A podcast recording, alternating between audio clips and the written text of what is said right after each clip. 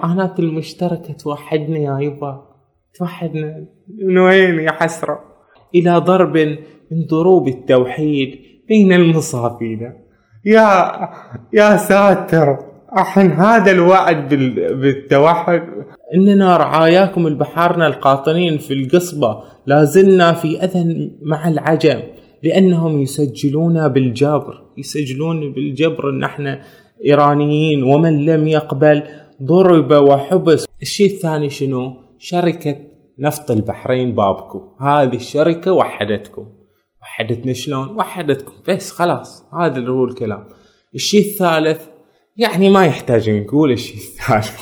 شخصيات وطنية شخصيات هكذا. بنت هذه البلاد. آه تجمعنا كلنا. يعني شيء نجتمع عليه على الأقل. والآمال المجهضة والتضحيات والحسرات والانتكاسات والآلام التي تقاوم النسيان والتي ستبقى جزءا مهما من ذاكرة الوطن المجروحة. السلام عليكم أهلا وسهلا بكم في بودكاست أبحار نتحدث اليوم عن كتاب الدكتور نادر كاظم الجديد أمة لا اسم لها فكونوا معنا.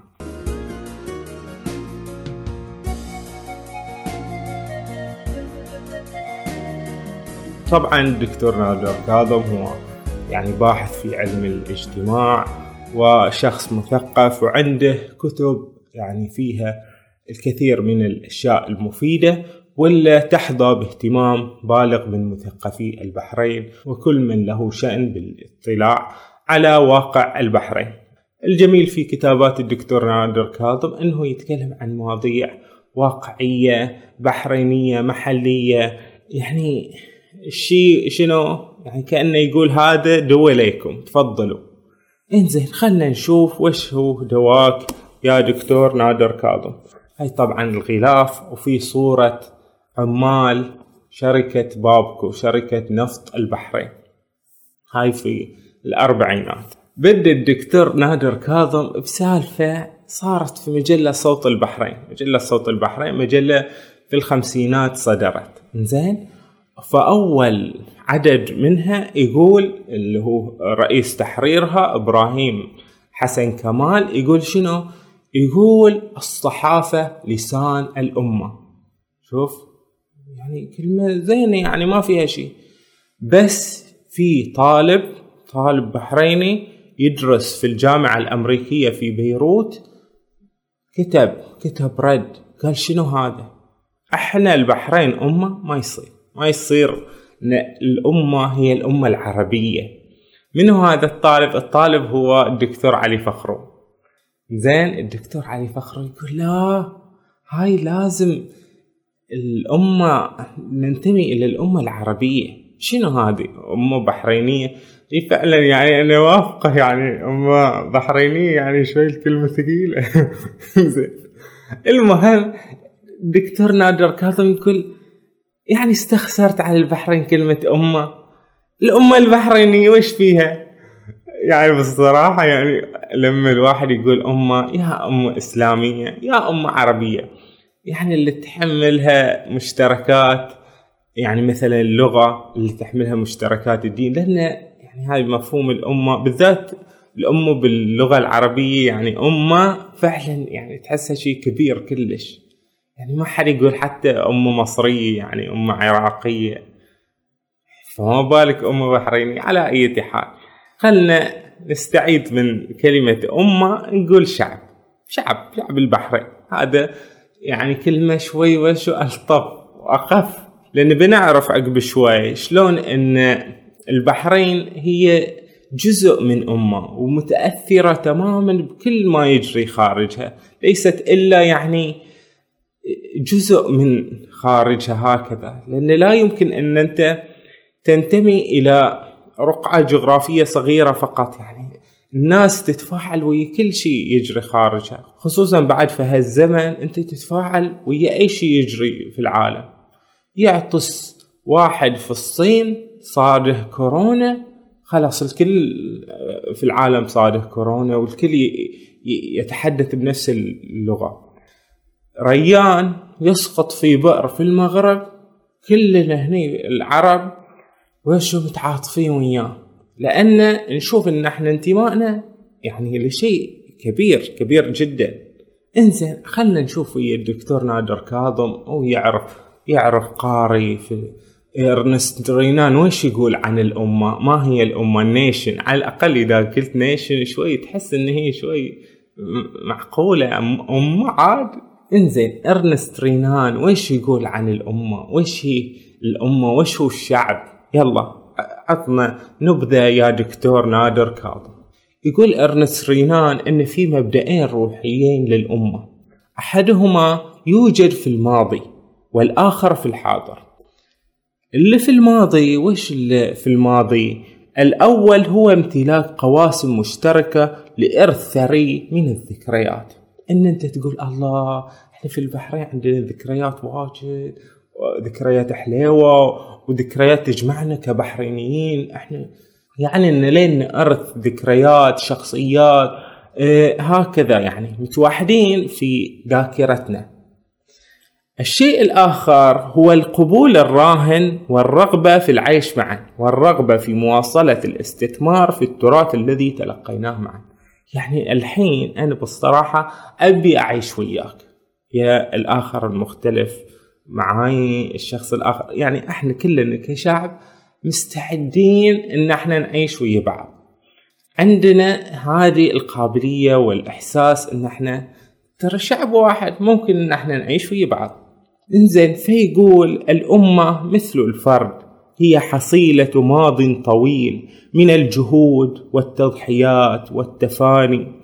ومن بين جميع ما يستحق أن يقدس فإن أسلافنا هم الأكثر شرعية. لقد جعلنا أسلافنا على ما نحن عليه. إن الماضي البطولي للناس العظماء والمجد هو رأس المال الاجتماعي الذي تقوم عليه الفكرة القومية. يعني شنو؟ عندنا آباء مؤسسين زين؟ أو يعني عندنا هذا شخصيات وطنية شخصيات هكذا بنت هذه البلاد آه تجمعنا كلنا. يعني شيء نجتمع عليه على الأقل. هذه هي الشروط الأساسية لتكون شعبا. وجود أمجاد مشتركة في الماضي وإرادة لاستمرارها في الحاضر. صنع أشياء عظيمة معا في الماضي وتمني صنعها مرة أخرى في الحاضر والمستقبل. يعني نحن ترى سوينا أشياء زينة أول. وبعد نبغي نسوي أشياء في المستقبل معا جميعا. إن المرء يحب بقدر ما يتناسب مع التضحيات التي يقدمها والمتاعب التي يعاني منها. على أي حال اللي يقوله إن شنو؟ إن لازم يكون عندنا ماضي مشترك.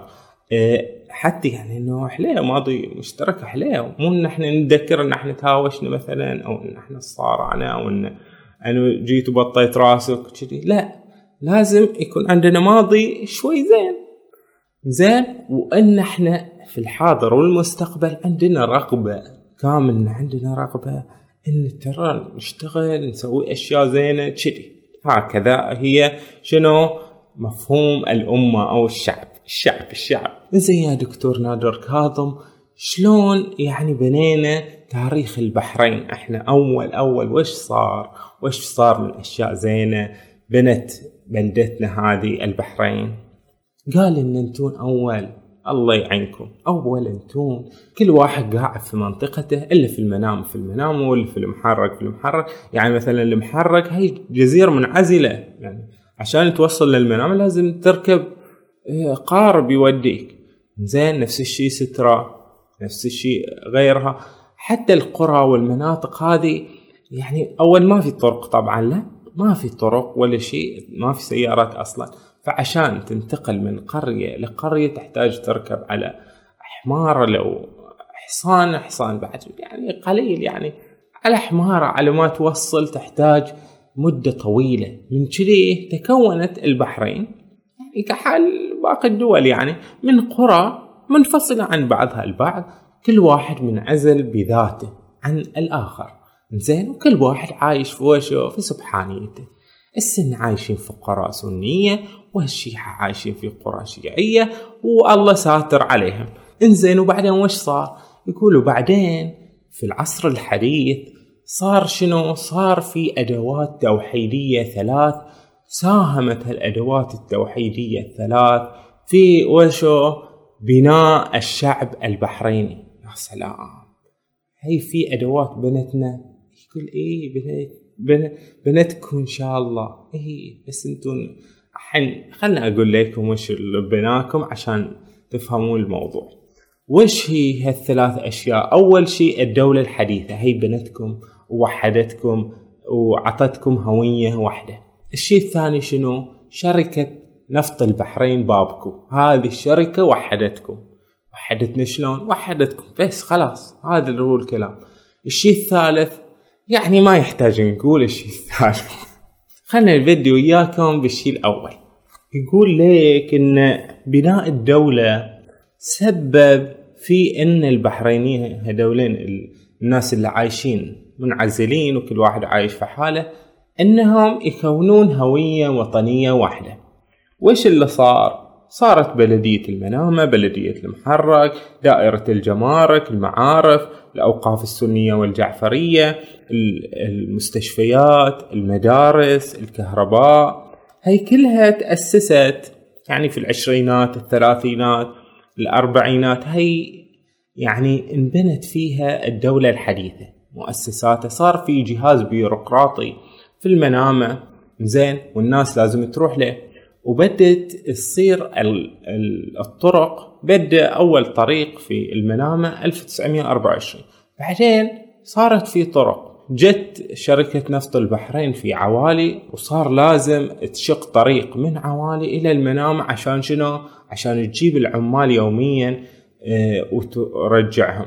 فبدت الطرق تصير وبدأ يعني هاي الدولة الحديثة بطرقها بمؤسساتها بكثير من الأمور اللي خلتها وشو؟ تكون قريبة من بعضها. المواصلات تقرب الناس حتى الاتصالات. صار في إذاعة صار في تلفزيون. كان قبل في اختلاف كبير بين المدن والقرى. يعني ان تروح المنامة هذا غير كلش لما تروح شنو؟ القرى. القرى كانت أراضي زراعية هكذا ريف يعني. يعني قبل كان في اختلاف بين وشديد بين المدن والقرى ولكن مع الوقت تحولت القرى شيئا فشيئا إلى مدن. يعني صارت يعني ما في أي اختلاف الحين بين المدينة والقرية ما في اختلاف. على أي حال الناس تروح المستشفى تروح المدرسة المدارس ترى يعني كانت يعني نقلة كبيرة. يعني مثلا مدرسة المنامة الثانوية. هذه مدرسة تأسست 1940 زين وكان لتأسيسها يعني أثر كبير فإنها تجمع هذولين الشباب يعني من مختلف مناطق البحرين كلهم يجون المنامة. يعني حتى إن كان في سكن طلاب في هذه المدرسة عشان الطلاب اللي يجون من بعيد كذي يسكنون فيها. فكانت هذه المدرسة مدرسة المنامة ملتقى لكل أهل البحرين. وصار هذولين الشباب اللي يروحون عشان يدرسون في الثانوي أنت الحين مثلا درست الابتدائي في آه، قريب من قريتك أو قريب من مدينتك وهكذا. بس بعدين الجميع جميع أهل البحرين ما في إلا مدرسة ثانوية واحدة. فكانوا يذهبون إلى مدرسة المنامة يعني ويتجشمون عناء. السفر من مناطقهم النائية في آه، بنية تحتية للتو كانت يعني في بدايتها وكانوا يعني آه، واحد مثلا لو بيقعد في النويرات مثلا بيجي له الباص من سترة مار على النويرات ياخذه يودي هكذا يعني زين عشان يروح. كذلك واحد مثلا من الحد أو هكذا يروح على ظهر حمار مثلا على للفرضة يعني شوي شوي نشأت الجسور وهكذا وأسهمت في أن هذولين أهل البحرين يلتقون. انزين الحين إذا التقوا هل بيكون شي زين أو مو شي زين؟ يعني بتقول الحين مثلا لو التقوا هذولين ما يطيقون بعض هذا في سني وهذا الشيء إذا التقوا وشو؟ يتهاوشون بيسببون صراعات يعني تقرب الزيت إلى النار. شنو بس شب شب البلاد هذا اللي قاله وشو؟ يعني عالم اجتماع أمريكي. قال عالم الاجتماع صامويل ستوفر اللي كان يدرس الجيش الأمريكي. يشوف وش فيه. يقول إن ترى فهذا الجيش الأمريكي الجنود البيض الذين على تواصل مستمر مع الجنود السود كانوا أقل معارضة للاندماج وأن لديهم علاقات أفضل مع الجنود السود وأكثر مما كان متوقعا يعني يقول شنو؟ يقول هذولين الجنود البيض اللي لهم تواصل يعني يقعدون ويا جنود سود وهكذا يتواصلون وياهم. وصاروا في عقليتهم يقولون لا يعني عادي يعني السود ما فيهم شيء يعني مو مشكلة عادي نتعامل وياهم هم زينين يعني عاديين زين كان الرأي الشائع قبل هذه الدراسة أن الألفة تولد الاحتقار. يعني أنا الحين بجي بقعد ويا شخص مختلف عني بقعد بحتقره وأن أفضل طريقة للحفاظ على السلام بين الأعراق هي إبقائهم منفصلين. أن قاعد نبقيهم منفصلين أفضل لنا من عوار الرأس. بيقعدون يشوفون بعض بيشوفون اختلافات بعض بيتهاوشون هكذا. لا نخلي كل واحد صوب. بس إن دراسات هذولين علماء الاجتماع تقول لا لازم تخليهم صوب بعض لازم تخليهم يحسون إنه وشو؟ إنهم شيء واحد. زين تعطيهم مهمات واحدة. تشعرهم إنهم شيء واحد كيان واحد. أه تساوي بينهم ما تميز بينهم. زين في كثير من الأشياء اللي أنت لازم تسويها عشان فعلا هم بيتصرفون كشيء واحد وما بيكون هناك اختلاف عرقي. زين بتقول لي هذا اختلاف عرقي غير عن الاختلاف الطائفي. يعني الاختلاف الطائفي بيرجعنا لموضوع الخلاف السني. والشيعي وشلون إن فقهاء السنة وفقهاء الشيعة وش يقولون؟ لا. ترى الاختلاف العرقي مثل الاختلاف الطائفي مثل في التعامل التعامل يعني أي واحد لما يشوف واحد مختلف عنه يعرف إن هذا ترى مختلف عنه. إن هذا مثلا شيعي أو شيء كذي. بيتعامل وياه تلقائيا مثل هذا التعامل العنصري مثل هذا التعامل العرقي نفس الطريقة. يعني المشكلة تكون واحدة نفس الطريقة. انزين يعني معناتها إنهم لما كانوا في مدرسة الثانوية العامة اللي بدت من الأربعينات وظلت عقود كان فيها كل أهل البحرين يتجمعون في وين شوف المنامة يدرسون هناك ويتعلمون ويحسون إنهم شنو؟ كيان واحد. ما بينهم اختلاف. كذلك عندنا تجربة في مدينة عيسى. مدينة عيسى صار فيها شنو؟ صار فيها إيه تساكن للسنة والشيعة في هذه المدينة. وكانت تجربتها جميلة يعني. يعني يعني حسب ما أعرف يعني يعني ما ما سكنت فيها. ولكن اللي أعرفه إن مدينة عيسى يعني أو يعني لما تروح جد علي كذي تحس إنه مكان حليو يجمع الكل. وتحس بالصفاء فيه والنظام وطريقة حلوة للتساكن. ولكن فكرة هذا النسيج الاجتماعي اللي يكون فيه سنة وشيعة في نفس الأحياء وهكذا يعني أخذت بالتراجع بعد ذلك. يعني صاروا الناس أفضل يقولون يلا نعيش كل واحد هذا بروحه أفضل. بل بلاوي بل عوار راس آه، ممكن نسبب مشاكل ممكن كذي خلاص. وصار هذا نام على الجنب اللي يريح كصديقي. وهي مدرسة المنامة الثانوية انتهت تجربتها في السبعينات أو شيء. لأن شنو؟ لأن سووا مدارس ثانوية كثيرة في على طول البحرين في كل مكان موجود مدارس ثانوية ومدارس ابتدائية ومدارس إعدادية.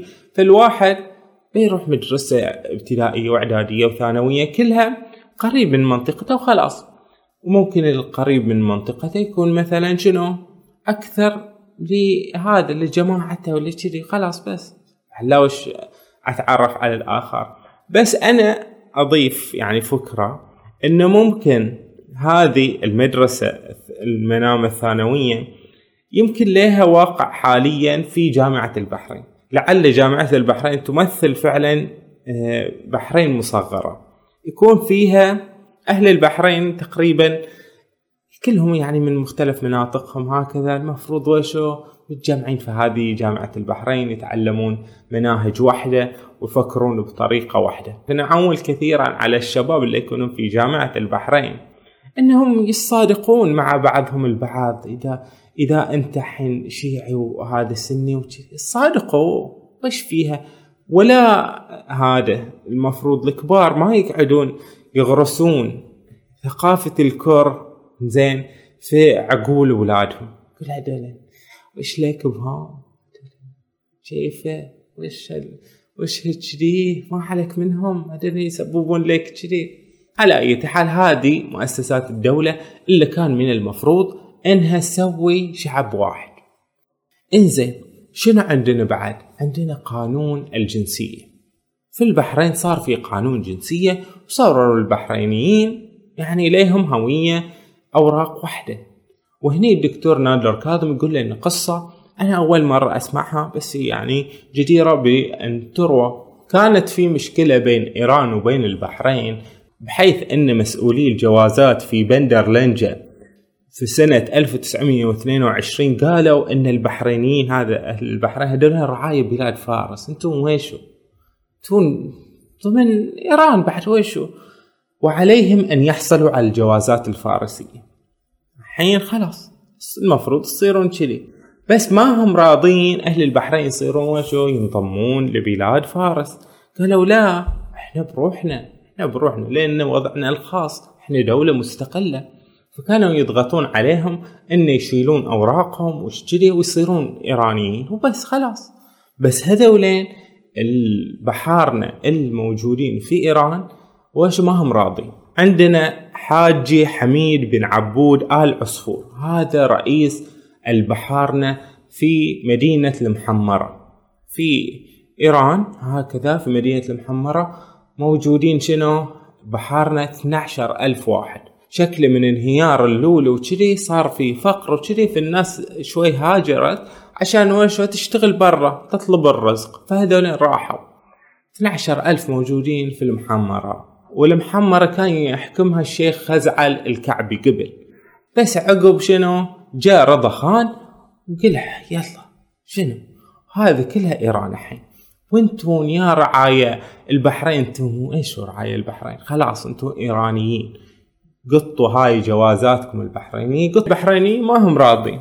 شوفوا إيش يقول. رفعوا هذولين البحارنا الموجودين في المحمرة قالوا إننا رعاياكم البحارنا القاطنين في القصبة لازلنا في أذى مع العجم لأنهم يسجلون بالجبر يسجلون بالجبر إن إحنا إيرانيين ومن لم يقبل ضرب وحبس ولقد عرفناكم بما صنعوا العجم معنا من البلايا هجموا علينا في بيوتنا ونهبوا أوراق جنسياتنا وإلى الآن نحن خائفين من غائلتهم ونخشى أن يأخذوا أولادنا للإجبار فيها. كذي فإنهم ما هم راضين يقطون جوازاتهم البحرينية وما هم راضين يصيروا إيرانيين. هم عندهم أراضي هناك في إيران يملكون أراضي وهكذا. يقول لهم يا تملكون أراضي يا تهدونها أنتم بحرينية تهدون أراضيكم وخلاص. فصارت مشكلة يعني ف فهذا الوقت سنة 1934 يذكر بلغريف في رسالة إلى الوكيل السياسي البريطاني سنة 1934 أنه تلقى أخبارا من مصادر موثوقة بأن كثيرا من زعماء البحارنة في المحمرة قد تعرضوا للضرب والإهانة والسجن والتجنيد الإجباري وتمزيق وثائق جنسيتهم البحرينية وإجبارهم على التقدم للجنسية الفارسية فقد تعرض زاير مهدي والسيد أحمد بن السيد ماجد وملا عبود بن ملا حسين البوري وآخرين كثر للضرب وأصيبوا بجروح خطيرة. ويضيف بالجريف أن البحارنة هناك يفضلون الموت على أن يصبحوا من رعايا الحكومة الفارسية. لا وش بعد صير وخلاص وبالفعل فقد فضل السيد حسين بن السيد جمعة من بحارنة المحمرة الموت على التنازل عن أوراق جنسيته البحرينية. فانهال عليه رجال الحكومة الفارسية بالضرب بصورة وحشية حتى فارق الحياة في اليوم الثاني بسبب جراحه الخطير. مات عشان بس وشو؟ ما يهد جنسيته البحرينية سنة 1934 انزين هذه الجنسية بعد عامل في التوحيد. بعد شنو عندنا؟ عندنا شركة نفط البحرين بابكو. هاي الشركة الكبيرة. يعني شنو هذه؟ نفط البحرين. هذه انت حين قبل النفط عندك مصدر للؤلؤ مصدر للسمك مصدر للزراعة مصدر السمك والزراعة يعني مصدر بسيط بس اللولو اللولو انضرب في سنة 1925 لما شنو؟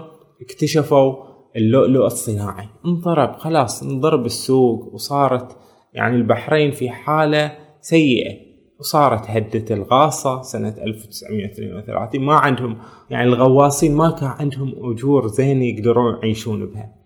ففجأة جت شركة بابكو. قالوا تعالوا تعالوا اشتغلوا. عندنا ليكم بيزات نعطيكم بيزات اللي تبونها. فهذه شركة النفط العملاقة اللي كان عندها موارد كثيرة وكانت شركة أمريكية.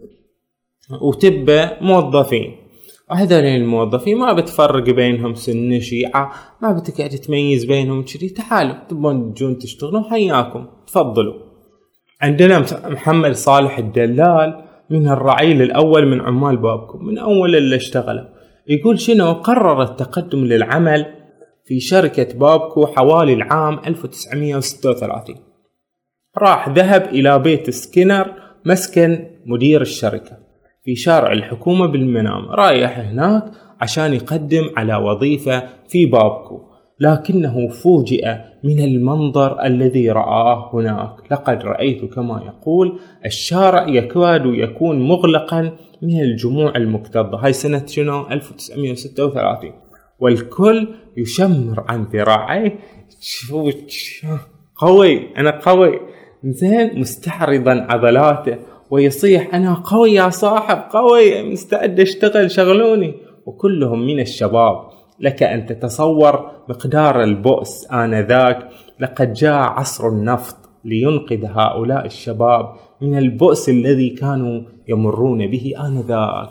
يعني إن حين جاي جاي شركة بابكو وتقول يلا تعالوا تبون تجون تتوظفون حياكم. والناس مو ما هم صدقوا متجمعة شقد. جو الموظفين في بابكو. وصارت هي دولة دولة بابكو. يعني شركة عملاقة كبيرة فيها موظفين كثر. كان عدد العمال البحرينيين في بابكو في الثلاثينات 3700 واحد. ولكن شركة بابكو قررت أن تستغني عن خدمات الكثير منهم. فقامت في سنة من السنين في الثلاثينات بتسريح 2151 موظف بحريني. قالت لهم يلا توكلوا على الله. فالبحرينيين هناك في شركة بابكو ما دامهم حسوا إنهم شعب واحد. يعني عندهم مصالح مشتركة وعندهم ظلم واقع عليهم وهكذا هم لازم يتحركون. فصارت ويش صارت حركة وطنية معارضة. منه بقيادة منه سعد الشملان وأحمد الشيراوي وياهم الجماعة كذي. وقالت بنود وقالت كذي. متى تعلمتون هذه العراض وكذي؟ توكم مشغلينكم. بل والشركة تفضل توظيف الأجانب وأن الشركة لا تعامل العمال البحرينيين على قدم المساواة مع الأجانب والهنود تحديدا. ذاك الزمن البحرينيين يبا يساوون بالهندي. زين يقول ليش ما تساوون تميزونهم علينا؟ تخلونهم أرفع مننا. انزين وتعرفون بيسوون اضرابات واحتجاجات واللي بيسجنونه بيسجنونه. وهذا سعد الشملان وأحمد الشيراوي خذوهم ودوهم الهند. يلا. وهذه حركتهم الإصلاحية في سنة 1938 اللي سموه حركة الشباب الوطني. قالت بيانات. هي البيانات اللي قالت فيها طالبت بالإصلاحات بإطلاق سراح المعتقلين دعت عمال بابكو إلى الإضراب عن العمل وحثت الجميع على تجاوز الانقسام الطائفي يكون بلا طائفية بلا هالأشياء والعمل من أجل الوحدة الوطنية. وهكذا. هذه الأفكار اللي تقولها والطموحات اللي تبيها والنضال الشعبي هكذا. وشو وحد الشعب؟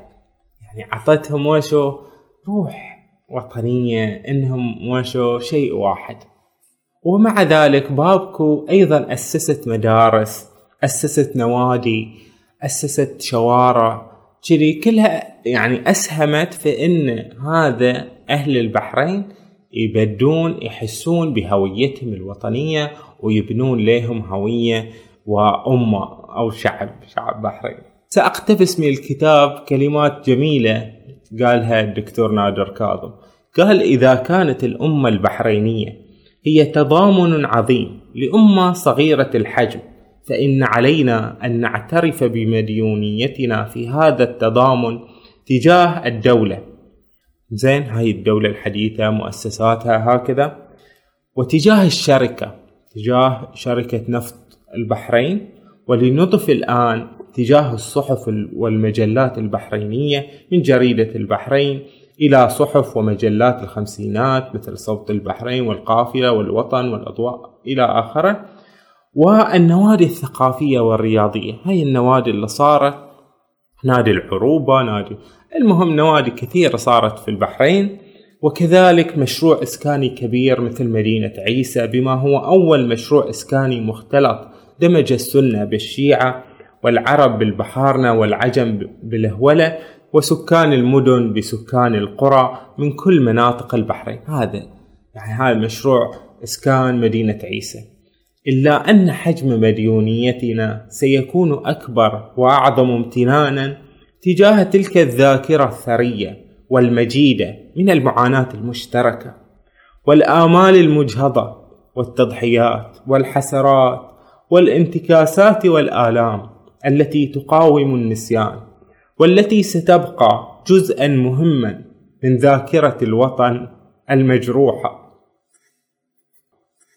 لأن المرء يحب بقدر ما يتناسب مع التضحيات التي يقدمها والمتاعب التي يعاني منها كما قال رينان لم يكن فشل هذه الانتفاضات بلا تداعيات وانعكاسات. فهو لا يخلف وراءه كثيرا من الألم والمعاناة المشتركة والحسرة والآمال المجهضة فحسب بل إنه عادة ما ينتهي باعاده ترتيب داخل الدولة تقود في النهاية إلى مزيد من التشدد الأمني والمخابراتي. الأمر الذي يهدد باستنزاف الكثير من مخزون الدولة التوحيدي وقدرتها على بناء الأمة. زين واصل يا دكتور نادر كاظم عقب وش صار؟ يقول إن بالصراحة من الثمانينات وأنت طالع صار في انتماء ليس انتماء يعني للأوطان كثر ما هو انتماء للطوائف. ترى يقول يعني إن الانتماء وهكذا إن أنت تخلق جماعة متخيلة. يعني أنت الحين مثلا في البحرين تخلق يعني في خيالك تتخيل جماعة متخيلة اسمها الشعب البحريني. هذولين الأش... الأشخاص الموجودين هكذا في البحرين عندهم جواز بحرين كل واحد من مكان مختلف. بس أنت حاط في خاطرك يعني أو في بالك أو كذي إنهم هذولين هوية واحدة انتماء واحد. وهكذا الحين في العصر الحديث صار شنو؟ صار الانتماء أكثر للطوائف. إن أنت بالصراحة شيعي انتمائك للناس اللي يشبهونك من الشيعة سواء في الداخل أو في الخارج نفس الشيء أنت سني. انتمائك للسنة اللي في الداخل وفي الخارج. هذا شيء يعني طبيعي. زين وبالصراحة البحرين يعني منذ كانت إلى الآن يعني متأثرة بخارجها كثيرا. لازم بتكون متأثرة بالخارج. ربما لصغر مساحتها فإنها دائما تبحث عن عن الخارج وتشوف وش فيه. صارت من أول. يشوفون القومية مثلا الناصرية يتأثرون بها هيئة الاتحاد الوطني. يشوفون الشيوعية يجيبونها يسوونها في البحرين. يشوفون هذا يجيبونها كذي. تفكيرهم للخارج أكثر من تفكيرهم الداخلي وهذا شيء طبيعي. وأيضا يعني في الخمسينات كان في هذا التوحد بين السنة والشيعة. حتى أن الشيخ محمد جواد مغنية كان يجي يعني في السبعينات ربما أو حتى الستينات يجي يخطب في البحرين يقول إن ترى في البحرين أنا أشوف السنة والشيعة يقعدون في الماتم. يعني قدامي أنا قاعد أخطب وفي سنة يعني عادي. زين هذا في ذاك الوقت ذاك الوقت. مع الزمن صار شنو؟ صار لا. صار اختلافات كبيرة وكل هالاختلافات هي أيضا متأثرة بالخارج. يعني في الخمسينات كان في وحدة إسلامية. السيد البروجردي والشيخ محمد شلتوت سووا نوع التصالح والوحدة بين السنة والشيعة وكانوا يعني السنة والشيعة يعني ما يوجد أي خلاف في ذلك الوقت. رغم أن الشيعة هم الشيعة والسنة هم السنة ولكن دائما السياسة هي تسبب كثير من هالمشاكل. فمن الصعب أن تغير يعني شيء يجري في البحرين واللي برا البحرين كله يعني مليء بالصراعات ومليء بالتطاحن. إلا إذا كان يعني مثلا تجربة عمان مثلا موجود فيها شيعة موجود فيها سنة وموجود فيها إباضية موجود بينهم وحدة كبيرة. ما بينهم اختلاف أو كذي أو أو يصارعون أو هناك يعني الكثير من يعني استجلاب الصراعات الخارجية. إحنا تبع هالجهة وأنتم تبع هالجهة وإحنا لازم نصارع وكذلك يعني في تجارب أخرى يعني في دول أخرى يعني أخف وطأة فيها الطائفية في واقع المجتمع. ولكن على أي حال الحين أنت لوش يا دكتور نادر كاظم الله يهديك لوش تقول لنا هالسوالف زيد الطائفية زيد المشاكل. يقول أنا اقولها كذي؟ عشان شنو؟ عشان شوي يعني أتمنى إن أشوف وطني أفضل. أشوف وطني يعني فعلا عندهم يعني ماضي مشترك يتذكروا الأشياء الزينة ما تتذكر الأشياء السلبية. يعني مثلا نضرب مثال أنا أنا هاي جايب مثال من عندي. إن أسرة الحين أنت أسرة أنت ويا أخوك. زين بينكم ذكريات زينة وبينكم ذكريات سيئة. من الذكرى السيئة أنت مثلا تهاوشت وياه رحت وبطيت راسه. وهو جو ضربك ضرب وشريه أعطاك بوكس في وجهك. زين هذه ذكرى سيئة. وعندك ذكرى جيدة أنك مثلا رحت وطلعت وياه استأنست وياه وهكذا. زين الحين أنت تتذكر أي ذكرى فيهم. فأنت إذا يظل دماغك دائما يتذكر هذه الذكرى السيئة بتظل في مشكلة وياه وفي خصام وياه بتظل طول حياتكم في صراع بينك وبينه. أما إذا أنت غلبت الذكريات الجيدة الإيجابية تصنع لك حاضر ومستقبل أفضل. طبعا الله يصلح الحال مشكلة كبيرة واتسع الخرق على الراتق. والدكتور نادر كاظم عطار وهل يصلح العطار؟ ما أفسد الدهر. إزاي يا دكتور؟ نادر. الحين عطنا شوي أمل أمل في المستقبل. يعني بيصير شي زين. يجيب لنا من من هذولين اللي تعلمته من إرنست رينال لو شي. بيصير بيصير البحرين أفضل بيصير كذي. كل الصراحة أنا أشوف إن كل شيء قاعد يتراجع. الأشياء اللي أنتم قبل أنتم كنتم متوحدين فيها تراجعتوا عنها كثيرا. هذا يعني أنا ماني شايف شيء. بس خلني أقول لكم قد تقود ضغوط الحياة الاقتصادية وانخفاض مستويات المعيشة نتيجة التضخم المحلي وتراجع أسعار النفط عالميا والمستقبل المجهول الذي ينتظر أصحاب المعاشات التقاعدية وينتظر الطبقة الوسطى والدنيا بعد رفع الدعم الحكومي عن السلع الأساسية وعن البترول والكهرباء. قد تقود هذه الضغوطات والهواجس والمصائب. التي ما عادت تميز بين طائفة وأخرى إلى ضرب من ضروب التوحيد بين المصابين يا يا ساتر الحين هذا الوعد بالتوحد؟ يقول المصايب هي بتوحدنا ممكن بعد توحدنا ممكن لا. ولكن يقول إن خطر هذا النوع من التوحيد يكمن في أنه عادة ما يكون قوة تدمير لا أداة بناء. يعني يقول بعد يمكن هذا بعد يدمر الشيء بعد ما يبني. إنزين. بس يقول مثل ما يقول إرنست رينان إن المعاناة المشتركة تصنع الأمة. تصنعكم زين بس حاسب لا تصير قوة تدمير.